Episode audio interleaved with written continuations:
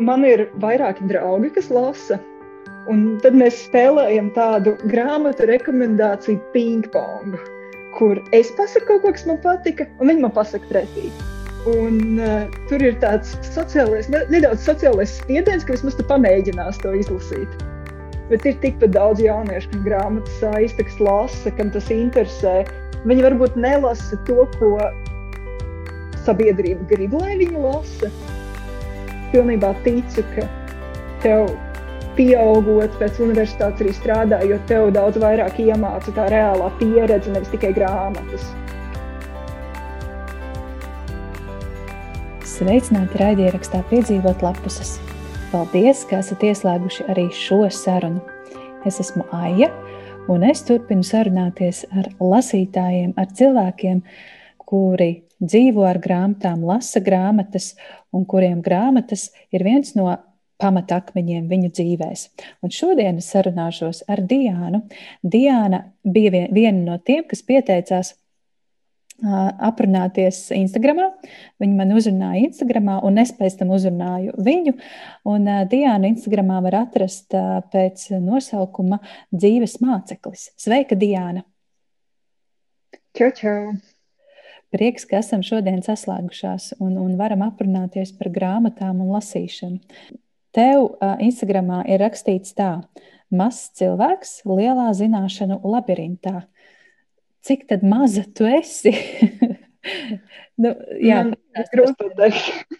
Kā tu to domā? Es esmu pati vidusskolas vecumā, bet nu, tā kā tā kā, jo vairāk tu zini, jo vairāk tu saproti, ka tu nezini. Tāpēc es sevi uztveru kā mazu cilvēku un to zināšanu labirintu kā bezgalīgu. Jo tu vienmēr vari kaut ko iepazīt, kaut ko uzzināt, kaut ko atrast jaunu. Mm -hmm. Es pilnībā piekrītu, pie, pilnībā piekrītu tam, ka jo vairāk eh, tu uzzini, jo vairāk saproti, ka, ka nezini. Uh, Un uh, es papētīju arī tavu Instagram, un tev ir arī blogs www.dzīvesmāceklis.lv. Un, un tur kaut kur tur es manīju arī tādu garu, garu grāmatu sarakstu, grāmatas, kuras tu vēlies izlasīt. Nu, tur bija dikti daudz, un uh, es teikšu, ka tur bija arī daudz man nezināmu vārdu. Uh, kā tu izvēlējies šīs grāmatas, uh, kā tu veido šos sarakstus, Un, un jā, pastāsti par to. Nu, šis saraksts, ko es nopublicēju, viņš ir tāds no vairākiem, tā kā, vairākiem, vairākām vietām, kuras smēlos iedvesmu par tiem. Es pati daudz lasu pašpalīdzības žanru, jo nu, man patīk tāda sevis attīstība, un tā bieži vien notiek ar grāmatām. Un, uh, es to sāku lasīt pēc mūsu, kurš pārdeva savu Ferrari izlasīšanas, un tā tas lēnām ķēdītē aizgāja tālāk. Tad es izlasīju Atomic Habits, un tad man tas ieinteresēja vis, visa tā sevis attīstība vēl vairāk. Un daļa no tā saraksta ir tas, kā es sev varu uh, padzīt uz priekšu kā cilvēku, kā labāk mācīties, kā runāt ar cilvēkiem, tāda veida saturs. Tad otra daļa ir uh, tas, ka es nekad nebiju iepriekš ielūkojusies savu vecāku bibliotēkā īsti. Es biju pa jaunu, lai saprastu, ko viņi īsti lasa. Un tad pavisam, pavisam nesen man sanāca atrast, ar, man, mēs ar savu tēvu runājot, atradām tādas grāmatas, kuras viņš man ieteica. Daļēji saistībā ar to, ka es vēlos studēt medicīnu, viņš man ieteica grāmatas par mediķiem. Un eh, tad sanāca tā, ka es šomēnes uzšķīru uh, Jurija Germana vienu grāmatu, mans dārgais cilvēks, bet tad es neko nesapratu. Jo tā ir otrā grāmata triloģijā, un tad es vēl vairāk sāku rakties šajā grāmatplauktā, un tagad mans saraksts ir vēl jau vairāk izaudzis. Un trešais ir, man ir vairāki draugi, kas lasa, Un tad mēs spēlējam tādu grāmatu rekomendāciju ping-pong, kur es pasaku kaut ko, kas man patika, un viņi man pasaka pretī. Un uh, tur ir tāds sociālais, nedaudz sociālais spiediens, ka vismaz tu pamēģinās to izlasīt. Un tad arī daļa no tām grāmatām savācas no tā. Ļoti, ļoti, ļoti interesanti. Man reiz, reiz gribas pieķerties tai vecāku bibliotēkai. Kas tad ir tas, ko, te, ko tev vecāki lasa? Jo es tur pamanīju tādu tiešām tādus. Es tādus autors nezinu. es varbūt esmu tos redzējis, šīs grāmatas redzējis. Uh, nu, savas sonītas milzīgā bibliotēkā, viņas grāmatu sienā. Uh, Bet, jā, pastāstīja to virzienu, kas ir tas, ko tavi vecāki lasa. Un, un, tu esi diezgan tāda netipiska jauniete, es teiktu, kas uzdrošinās lasīt to, ko lasa vecāki. Parasti jau visi bēg no tā. Nu, man ir tā, ka uh, nu, man māma lasa pamatā krieviski. Man krievu valodas zināšanas nav tik ļoti attīstītas, ka es ļoti daudz lasītu krieviski. Bet es lasu pamatā angliski un latviešu. Un no vecāka bibliotekas tās ir grāmatas latviešu. Tās ir gan par slaveniem zinātniekiem, gan par kā, medicīnu, kā tavu kā, dvēseles aicinājumu virzienu. Un no turienes iespējams arī savācas visi tie autori, par kuriem tu iespējams arī nezini. Un tā vispār mūsu tajā mājas grāmatas sienā ir sanācis tā, ka tur ir diezgan padaudz manas vecmāmiņas grāmatu, kurām es vēl neesmu pieķērusies. Bet uh, man šķiet, ka tur ir, is, tur ir potenciāls, ko atrast visādas pērles. Un tā, es arī tās pērles šobrīd mēģinu viņu visu savadīt Excelī, lai es varētu mierīgāk, ātrāk atrast to grāmatu tieši, ko es vēlos un zināt, kur viņi ir. Tāpēc šobrīd, ejot cauri, es visu kaut kādas pērles atrodu gan no vecajiem darbiem, gan no tādas tiešām man nezināmas eh, tās eh, lasīšanas, api, lasīšanas auto, no man nezināmiem autoriem, kā Zelmas Lāgerlefes un vēl vis kaut kādiem. Mm -hmm. Nu, Sēma Lagerlāfa vismaz uh, ir klasika, tu, tas ir zināms, jā, uh, bet par to drosmi ņemt kaut ko, ko tu pat nenojauti, kas tas ir. Tev var būt tikai maza nojausma, kas tas ir, un, un tu ņem un lasi, pastāsti par to, vai tu to varbūt nemaz neuztver kā tādu drosmi, ka tas tev tā normāli ir. Mana tā grāmatu filozofija lasīšanai ir tāda, ka ja vien ar to nav jānodod kāds darbs, par ko, ko tev ir jāapraksta, es sevi nespiežu lasīt.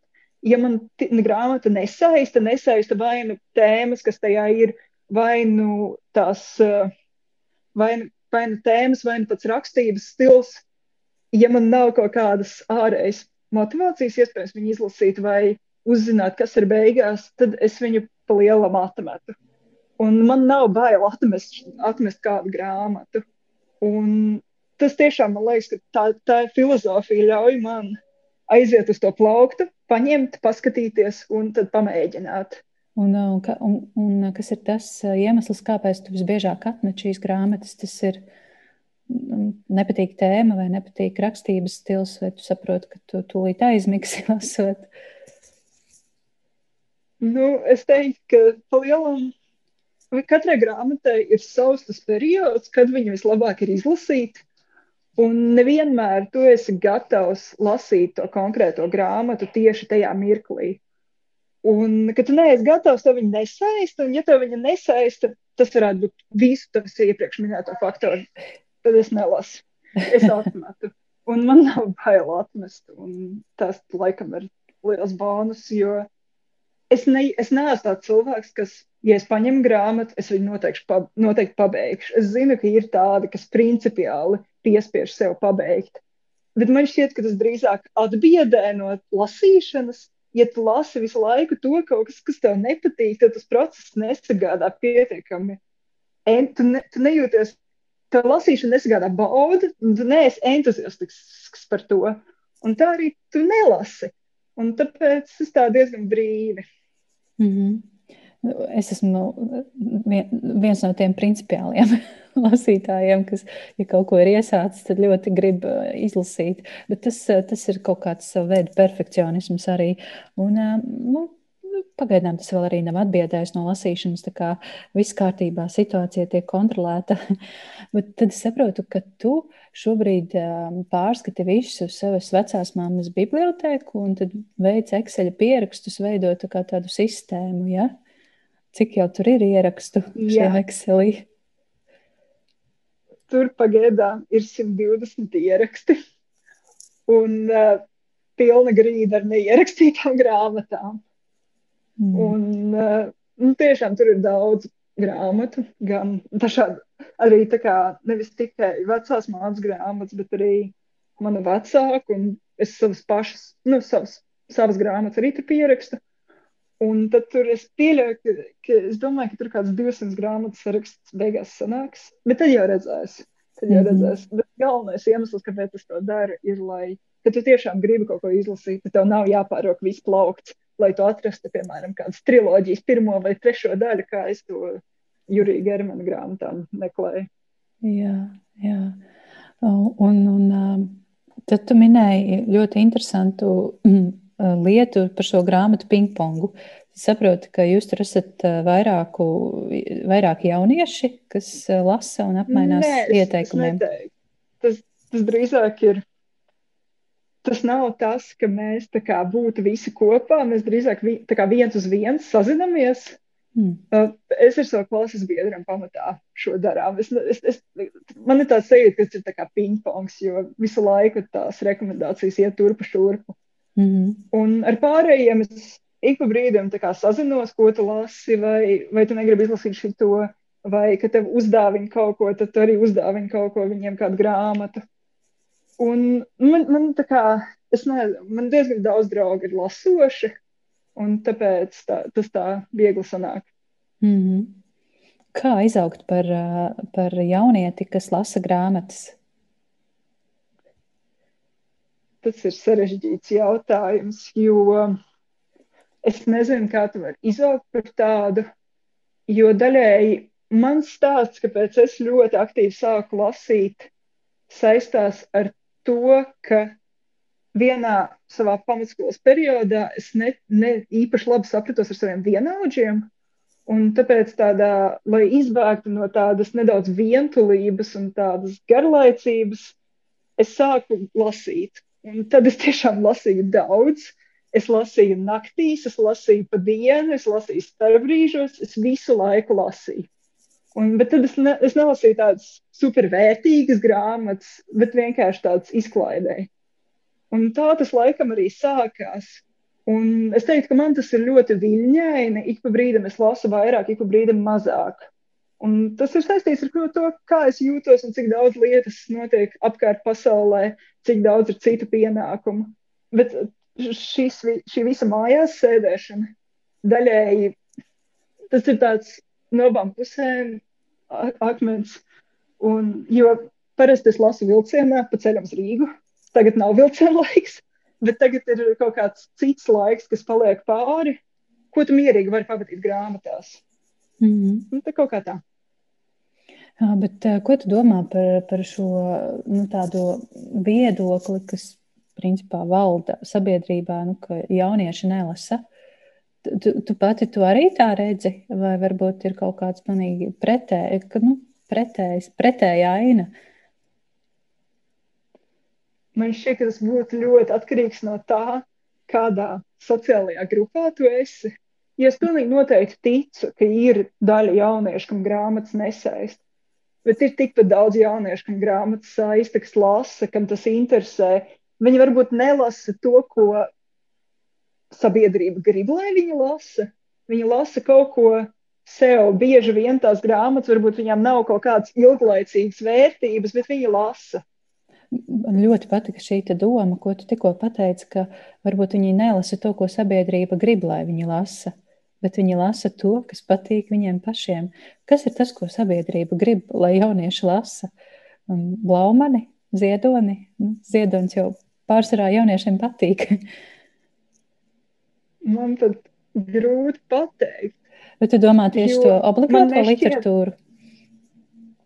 Es pat neteiktu, obligāto literatūru, jo obligātā literatūra ir atkarīga no tā, cik stingri tev ir latviešu valodas skolotāji. Tas nav atkarīgs no tā, vai tu gribi vai tu to negribi lasīt. Un, bet eh, man liekas, ka sabiedrībā ir tāds nedaudz greizs uzskats par tādiem žanriem kā young adult fiction vai fantastiku. Viņiem tā kā tas kopējais skats ir uz to, ka tās grā, tām grāmatām nav kaut kādas vērtības, nav kaut kādas jēgas. Un bieži vien jaunieši lasa tieši šo young adult fiction vai fantastiku. Un kas rada tādu iespaidu, ka tu negribi, ja tu, ja tu lasi to young adult fiction, tad tu nepublicēsi visai pasaulē, ja tev ir bail no nosodījuma. Un, jā, es arī brīdim paņemu kādu tādu grāmatu. Piemēram, pēc jūsu šī mēneša grāmatas ieteikuma, es gan to, ko jūs šomēnes ieteicāt, biju lasījusi. Tāpēc es no tā paša autora paņēmu to grīšu triloģiju. Bet, nu, jā, kaut kā tā. Mm -hmm.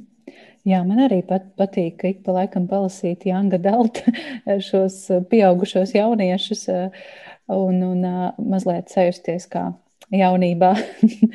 Bet eh, kas bija tas, ko tu lasīji tajā pusauģa vecumā, kad tu teici, ka tu kā bēgi no, no nu, sabiedrības? Gluži nē, bet eh, bija grūts periods, un tu vairāk slēpies grāmatās un grāmatu lasīšanā. Kas bija tā, tā, tās, tās tavas paslēptuves? Es, es daudz lasīju fantastiku. Nu, tieši tā kā izklaidējuši. Man liekas, ka tas viss sākās, kad es izlasīju citādi. Un eh, tā kā latviešu grāmatas iznāk nedaudz lēni, tad es sākumā sāku lasīt pirmo daļu latviešu, un tad pārējās angliski. Un tad es arī, nu, tas kaut kā tā aizsākās. Nu, tas vienmēr man šķiet notiek tādā ķēdītē. Tu izlasi vienu, tad tu izdomā, ka vajag izlasīt kaut ko citu, un tā tu lēnām tā, ļoti sev bedri tajā lasīšanas pasaulē. Un tā arī tu non, tur nonāc, un tad atkarībā no tā, kuras grāmatu paņem nākamo, to tu arī lasi. Mm. Jā, es atceros šo, šo nu, nepacietību.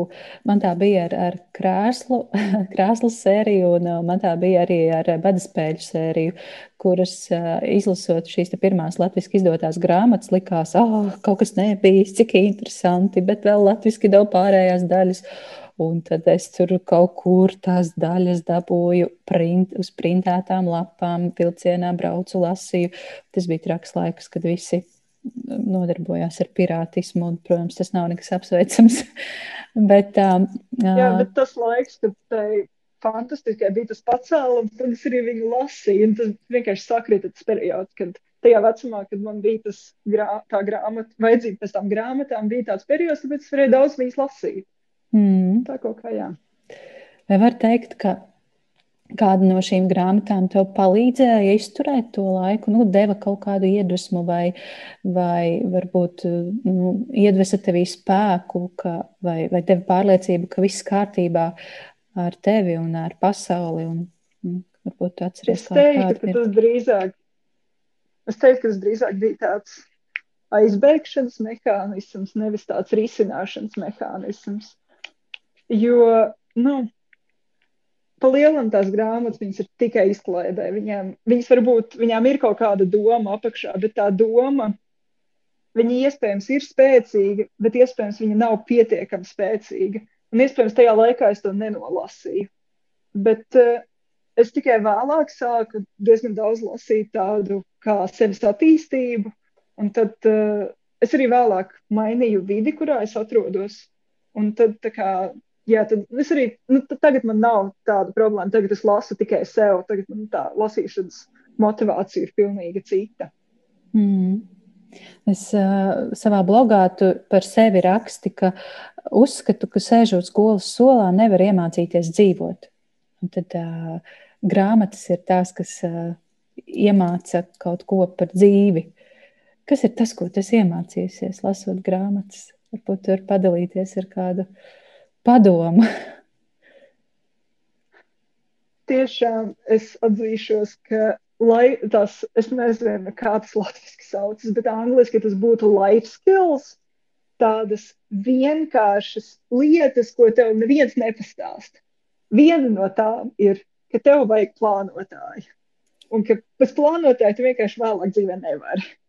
Un tad tā visa mācīšanās, kā tu tā kā iemācies sevi savākt, un tad lēnām pa pussoli iegūsti kaut kādu patstāvību un kaut kādas prasmes, arī kaut kādas ikdienišķas prasmes, kas tev iespējams vēlāk var noderēt. Tāpat arī es uh, atzīšos, ka es esmu diezgan daudz lasījusi saturu par ātru lasīšanu. kas ir diezgan noderīgi tajā skolas kontekstā. Varbūt ne daļai literatūrai, bet tādai vairāk sausai zinātniskākajai literatūrai, kur tu vari izskatīt cauri, un tad tu redz, redzēt, ko tev vajag. Kad tu iemācies kaut kādas lietas darīt ātrāk, kaut kādas lietas darīt kārtīgāk, un tā arī tu lēnām taisi sev to bāzi, kā tu vari darīt vairāk un radīt vairāk visu kaut ko. Mm. Bet, bet nav tā, nu, ka pieaugušie jau to visu stāsta un, un, un māca. Un skolotāji saka, vismaz nu, labi, manā laikā bija dienas grāmata. Izmantojiet dienas grāmatu, rakstiet dienas grāmatās, uh, esiet tur kārtīgi un, un tā un tā. Bet uh, tad, kad, tad, kad uh, nu, es kā jaunietis vai, vai bērns jaunietis pats pie tās informācijas nonāku, tad man tā liekas vērtīgāk, un tad man tā aiziet līdz tā īstajai smadzeņu šūnai, un, un tad es to saprotu. Nu, tad, nu, nu jā, kā, kā tev liekas? Par to dienas grāmatu ir tā, ka man šķiet, ka visi dienas grāmatas sāk rakstīt pa jaunu vecumā. Jo tad, kad tu esi pirmajā, otrajā, trešajā klasītē, tev to dienas grāmatu nevajag. Tev nav sapulcs tajā organizācijā, tev nav termiņš, tad tu vienkārši dzīvo līdzi tam, kas notiek. Un tad tev nevajag atcerēties mega daudz informācijas savā smadzenēs. Un vēlāk tu lēnām nonāc situācijā, kad tev tās informācijas daudzums ir tik liels, ka tu esi spiests kaut ko darīt. Īpaši, ja tu nevari nevar jau visu laiku lūgt kādam citam, kad ir tas termiņš un kas ir jādara. Un tad tu lēnām arī sāc kaut kā savākties. Un uh, iespējams, es esmu paņēmusi pat no tās klasiskās skolas dienas grāmatas kaut kādus aspektus savā tajā kladītē, kurā es turu visu. Man ir, piemēram, man, man, es izrakstu stundu sarakstu, jo tas tev palīdz. Bet tad, kad es to rakstīju kā tajā klasiskajā dienas grāmatā, tas ir sākuma skolā, pamatskolā, tad no tā nebija nekādas jēgas. Un uh, arī man šķiet, ka tu lasot, lasot informāciju par tādām, es teiktu, ka pašattīstības lietām, tu vari radīt sistēmu, kas strādā tieši tev. Un uh, tā sistēma, kas strādā tieši tev, man šķiet, ir svarīgākais aspekts. Jo iespējams, klasiskais plānotais vai klasiskā dienas grāmata vienkārši nav pie sirds. Man ir bijis tā, ka es paņemu plānotāju, es ļoti gribu sakārtot savu ikdienu, bet tas vienkārši nestrādā. Tas veids, kā es to mēģinu sa savākt kopā, ir pilnīgi absolūti bezjēdzīgs. Un eh, tā arī tu lēnām lasi informāciju, tu viņu analizē, tu paņem, kas tev šķiet vērtīgākais. Tas ir tas ir, es paņemu vērtīgāko no pašpalīdzības grāmatām, ko es izlasu. Un tad tu lēnām arī būvē to sistēmu. Piemēram, es tagad ļoti lēnām eju cauri tādai grāmatai How to be a study ninja, un viņam ir sadaļa, kur ir par vairāk kā, darbu kategorizēšanu vairākos sarakstos. Un man, piemēram, ļoti patīk šī metode, kuras varu, man ir nedēļas darbi, man ir mēneša lielie darbi, un man ir mē, kā, mazie darbi. Un es šo arī esmu ieviesus. Un tā tu lēnām atrodi to, kas der tieši tev. Mm. Kas būtu būt tā grāmata, ko tu ieteiktu tieši par uh, sava laika organizēšanu un plānošanu? Šī te How to be a study ninja, varbūt vēl kaut kas? Es, nu, es teiktu, ka mans favorīts ir Šarmas uh, uh, mūks, kurš pārdeva savu Ferrari, bet tā, vai, tā nav tik ļoti ar skolas kontekstu. Tā ir drīzāk par dzīves sakārtošanu tādos lielās lietās. Tur nosauc vienkāršus aspektus, kurus tev, uz kurus tev vajag pārdomāt. Jo tu ikdienā vienkārši aizmirsti, ka tāds ir. Vēl viena ļoti, ļoti man svarīga būtu uh, Atomic Habits, autors James Clear. Un tur ir par to, kā tu vari radīt sev jaunus ieradumus un kā tu vari iz, daļēji izskaust nepatīkamos ieradumus. Un arī, jā, es tagad lasu Marijas Kondo kārtības maģiju, es nezinu, vai tā būtu tā labākā, jo tur ir par to vide, pašas vides sakārtošanu, kurā tu esi, bet viņi ir nedaudz tāda radikāla.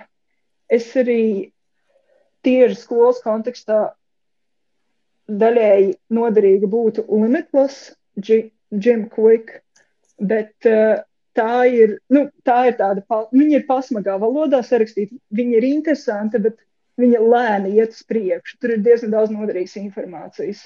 Mm. Tāpat arī tīri uz mācīšanās stratēģijām, A Mind for Numbers, autors Barbara Oakley. Tur ir arī par tīri to mācīšanās procesu. Kaut kā tā. Kā, kā tu izvēlējies šīs grāmatas? Tev, vai tu uh, jūti, ka šeit es gribu kaut ko uzzināt tieši kaut kādā konkrētā tēmā, un tad tu meklē konkrētu grāmatu par to, vai arī e, otrādāk, tu vispirms e, ieraudzīji virsrakstu un liekas, o, šo varētu pamēģināt, varbūt tas man noderēs. Kā, kā notiek grāmatu izvēle? Godīgi, pirmo tādu pašpalīdzības grāmatu man uzdāvināja mans brālis, iepriekš minēto šādu grāmatu. Un tad es lēnām sāku interesēties par to sevis uzlabošanas tēmu. Un es arī, nu, kā jau jebkurš ja jaunietis, patērēju saturu no YouTube vai arī tā paša Instagram. Un es sāku sakot tādiem daļai influenceriem, kas tieši tā kā uz sevis to savu liederības koeficientu attīstīšanu strādā. Un viņi ik pa brīdim kaut ko iesaka. Arī tā kā grāmatu beigās ir tās izmantotās literatūras saraksts. Tas dažreiz ir noderīgs. Kāda grāmata pa brīdim piemin kādu citu.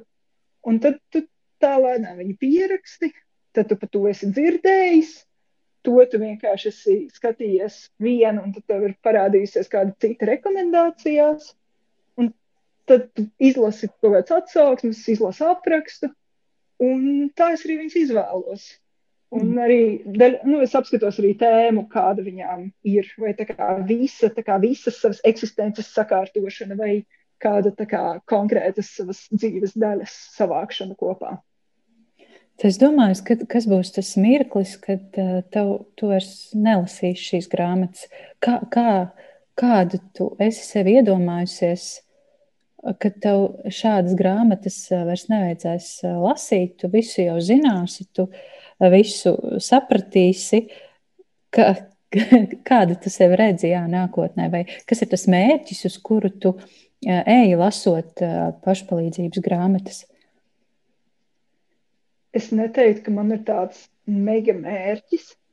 Man ir jau tā kā tās pārmaiņas, kas reāli notiek. Tu jau nepaņem katru aspektu no tās grāmatas. Pēc gadiem pieciem es varu mierīgi pārlasīt to pašu grāmatu, paņemt kaut ko citu no tās. Un nav tāds perfekt, man nav tāda perfektā sevis vīzija. Man vienkārši tā kā, man patīk darboties, es nevaru mierā nosēdēt. Un tad, lai, sa, lai es varētu darboties, man vajag kaut kā sevi dzīt uz priekšu. Un tad, kad iespējams man vairs negribēsies darboties, vairs nebūs kā, kā ir te, te vārdi jaun, jaunības maksimālisms, kad viņš var, vairs nebūs tik, tik izteikts manī, tad es arī iespējams samazināšu šo grāmatu kvantumu. Bet pagaidām man viņas saista un uh, man arī patīk tāda sevis attīstība. Un tad jā, tad jau, tad jau redzēs. Tad jau tā kā vēlāk, jau manā vecumā, iespējams, tā pati dzīve un tā pati not, tie visi notikumi, kas ir realitātē, tev tik daudz neiemāca, bet es pilnībā ticu, ka tev pieaugot pēc universitātes arī strādājot, tev daudz vairāk iemāca tā reālā pieredze, nevis tikai grāmatas. Jā, jā. Um, nu jā, tu, tu esi ielikusi šajā dzīves labirintā, un tad uh, mēģini caur tam izburties, izmantojot to, ko piedāvā grāmatu pasaule. Uh, Un, jā, interesanti. Kā ir ar, kā ir ar vilšanos grāmatās? Vai tu esi tādu, tādu piedzīvojusi un, un pastāsti par kādu, ja tāda ir bijusi? Man liekas, ka vilšanās ir tāda neatņemama daļa no visas lasīšanas procesa. Kad tev kāds kaut ko iesaka, un tu to paņem, vai kādai grāmatai ir augsts status sabiedrībā, un tu tiešām ceri, ka tev viņa patiks. Bet tad tev viņa nepatīk, tev viņa nesaista. Viena no tādām man bija trīs vīri laivā, ko man ieteica mans tēvs. Tā ir komēdijas grāmata, arī klasika. Bet es nekādīgi nevarēju saprast, par ko viņi ir. Es vienkārši viņu nevarēju izlasīt. Un tas pats par to pašpalīdzības žanru, tur laikam mans lielākais piemērs būs Latvijas viņa ir ieraduma spēks, bet es viņu angliski lasīju The Power of Habit, Čārlza Dahiga. Un uh, es vienkārši nevarēju viņu izlasīt. Es biju nesen izlasījusi Atomic Habits, ko es iepriekš minēju. Un tā kā tas veids, kā, piemēram, tā grāmata tika sarakstīta, viņš nebija man. Es nespēju uztvert to ziņu. Un tas, laikam, tas uh, ieraduma spēks viņa sabiedrībai ir relatīvi augstā statusā šajās pašpalīdzības grāmatās. Viņa diezgan daudz zina, viņa pat latviešu ir iztolkota. Daudz pašpalīdzības grāmatas nav latviešu iztolkotas. Un uh, tieši tas, kā sabiedrība to redzēja, laikam bija tā lielākā vilšanās. Jo es nespēju ar viņu tā kā nebija tas klikšķis ar to pašu grāmatu. Mm -hmm. Kā tu jūties par to? Tu, tu kā ļoti labi pateici par to, ka ir kaut kādas grāmatas, kuras mm, mm, nu, ka šķiet, ka visi laikam ir izlasījuši, un tad visiem arī ir jāizlasa nu, tāda klasika, kaut vai tie paši trīs vīri laivā. Un tad tu lasi, un tu īsti tev nepatīk.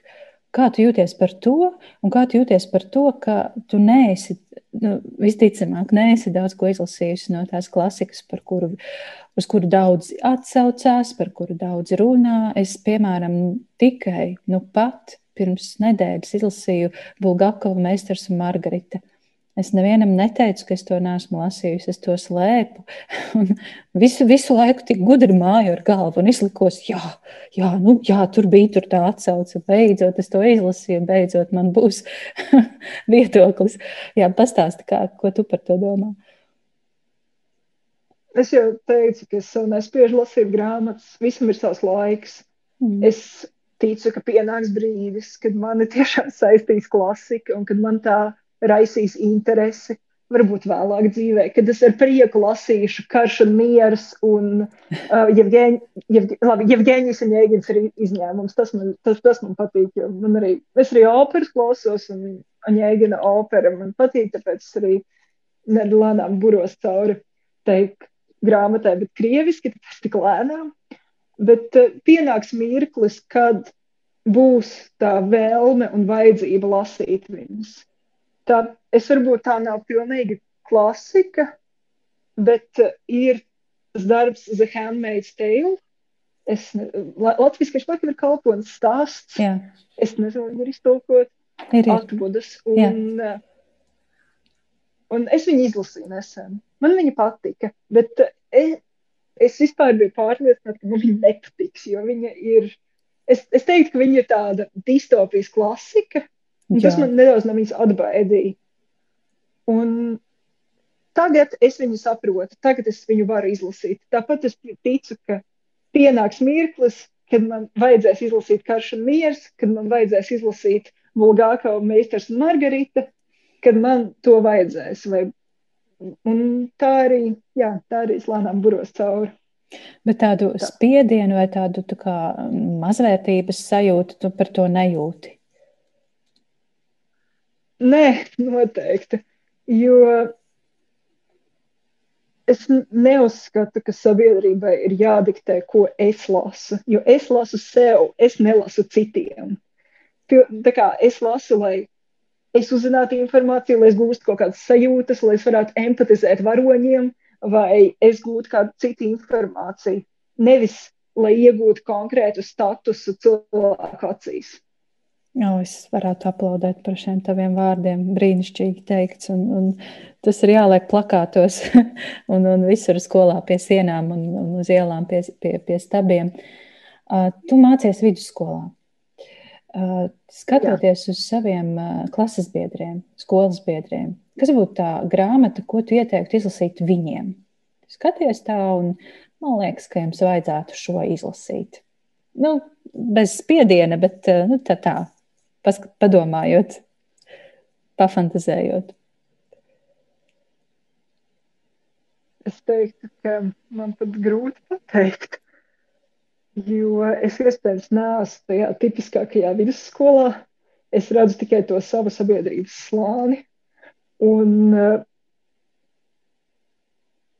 es gan ieteiktu izlasīt kādu grāmatu par mācīšanos, par to, ka savu pierakstu pārlasīšana tev nepalīdzēs, ka ir nepieciešamas citas metodes, lai tu kaut ko atcerētos jo tik daudz laika tiek pavadīts neliederīgi mācoties, bezjēdzīgi mācoties, bezjēdzīgi pārlasot, nedomājot līdzi. Un kā jau visas grāmatas, diezgan daudz grāmatas saka, ka pārlasīšana ir viena no bezjēdzīgākajām metodēm, bet tā ir viena no izmantotākajām.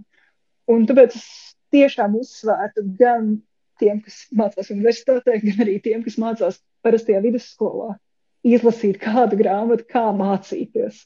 Mm -hmm. Manā gadījumā es domāju, ka kaut kāds mind for numbers, ko es iepriekš minēju, varētu būt labi. Tad es, not, es mēģinu saņemties uz tādu grāmatu Make it stick.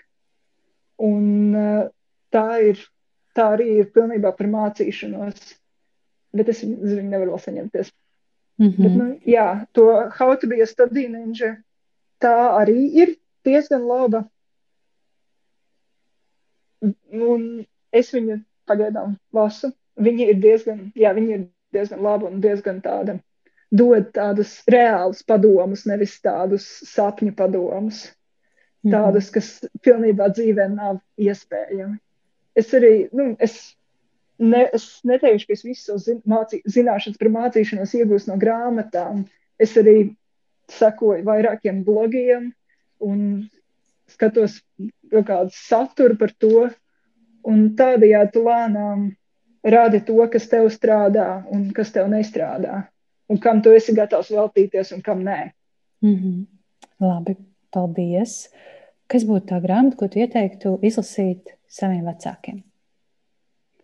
Es teiktu, ka. Nu, var atrieties tētim par tiem trīs vīriem laivā, varbūt. Es teiktu, ka ir grāmatas, kuras, kuras ne tā paša pašpalīdzības žanra. Piemēram, tas pats mums, kurš pārdeva savu Ferrari. Savā ikdienas rutīnā tu tik, tik bieži sanāk aizmirst kaut kādas pamatlietas, ka tu nevis atnāc, nevis tā kā atnāc mājās un apsēdies pie televizora un skaties ziņas, bet tu dari kaut ko sev. Un es ieteiktu izlasīt, es domāju, ka jā, es ieteiktu izlasīt, ka man vecāki izlasa kaut ko, kas viņiem liktu darīt kaut ko sev, nevis vienkārši trūli nosist laiku dažreiz. Mm -hmm. Kaut kā tā.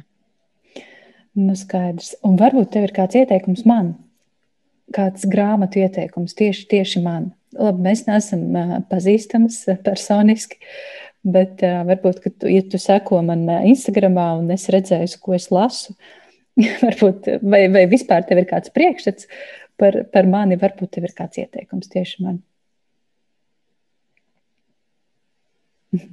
Vēl sarežģītāk. Grāmatām, kuras, kuras, kuras es varētu ieteikt. Nē, nu, tu vienkār, vienkārši jā, kaut kas pirmais, kas nāk prātā. Viena grāmata, kas man ir atstājusi diezgan lielu iespēju, ir Kronēna Citadela. Mm -hmm. Varbūt tādu zini, ja tu tādu neesi izlasījis, to es noteikti iesaku. Oh, labi, labi. Es zinu, jā, es uh, esmu redzējusi, bet es neesmu lasījusi. Nu, paldies par ieteikumu. Un tagad, pašā beigās, tev vajadzētu ieteikt, atstāt savu nospiedumu raidierakstu, piedzīvot lapus zelta grāmatu sarakstā. Kas būtu tā grāmata, ko tu gribētu ieteikt šim sarakstam? Un kāpēc? Par šo jautājumu es ilgi domāju. es godīgi nevarēju izvēlēties, jo es lasu, lasu diezgan daudz. Un es tiešām gribēju atstāt kaut ko, kas man šķiet sakarīgs. Es nevarēju izvēlēties starp Nocumu Sasaki Kokoro, kas ir par sakošanu skolotājam. Tad es, tad es domāju par koeliju grāmatiņām, ko es nesen izlasīju. Tur ir tas pats alķīmiķis, kas ir klasika. Bet tad es laikam nonācu, ka es lielāko iespēju gribētu, lai izlasa kaut ko kā Atomic Habits vai vēl labāk mūsu, kurš pārdeva savu Ferrari, ko es arī iepriekš minēju. Mm -hmm. Un, jo tās, tās grāmatas, īpaši mūsu, kurš pārdeva savu Ferrari, tā bija pirmā pašpalīdzības grāmata, ko es izlasīju. Un eh, tā tiešām liek tev apstāties un padomāt. Padomāt par to, ko tu dari, padomāt par to, kā tu dari un kā tu vari sakārtot to savu, radīt laiku, ko tu dari sev, nevis tikai citiem, radīt laiku, kas tev ir vērtīgs, darīt kaut ko, kas ir vērtīgi. Un tur ir, tur ir tādas Tā kā bieži vien rutīnā tu dari kaut ko, ko tev vajag darīt, un tu aizmirsti, ka tu arī esi cilvēks, ka tev arī ir savas intereses. Un tad tu tādā bēdu jūrā ieslīgsti, jo tu aizmirsti, ko tu pats vēlies. Un tāds vienkāršāks patiesības, ko atkārto mūsu, kurš pārdeva savu Ferrari, es noteikti ieteiktu atcerēties. Nu, lieliski. Tad uh, zelta grāmatu sarakstam tu pievieno Robina Šārmas mūks, kurš pārdeva Ferrari. Skaisti. Paldies! Paldies, tev, Diana, par šo sarunu. Man uh, palika prātā vairākas tevis teiktās domas, un, kā jau es teicu, dažas ir jāizprintē un jāliek uh, uz afišu stabiem. Paldies tev par šo sarunu. Paldies, ka tu esi tik brīnišķīga jauniete, tik zinātnāra un, un ar vēlmi izzināt sevi un pasauli. Varbūt ir vēl kaut kas, ko tu gribēji pateikt, bet ko es tev nepajautāju. Tad tev ir iespēja vēl pateikt kaut ko. Es domāju, ka jāatrod, katram ir jāatrod kāda grāmata, ko tu lasi tieši sev, tieši tāda grāmata, pie kuras tu vari mierīgi atgriezties kas tevi saista un kas tevi uzrunā. Un ar to arī jāsāk. Nor vienkāršam cilvēkam nav jāsāk ar to, ko citi grib, lai viņš lasa. Ir jāsāk ar to, ko tu gribi, lai tu lasi. Skaisti. Nu, brīnišķīgi noslēguma vārdi. Paldies, tev, Diana! Paldies arī klausītājiem un uz tikšanos nākamajās sarunās. Atā! tas šodien arī viss. Paldies, ka noklausījies! Ja tev patika un likās noderīga šī saruna, noteikti uzraksti savas pārdomas Facebook vai Instagram, vai varbūt uzraksti man e-pastu uz piedzīvot atgmail.com. Vēlēs atbalstīt podkāstu tapšanu? Dodies uz www.patreon.com šķērsvītra piedzīvot un kļūsti par podkāsta mīļāko atbalstītāju, jeb patronu. Paldies! un uz tikšanos nākamreiz!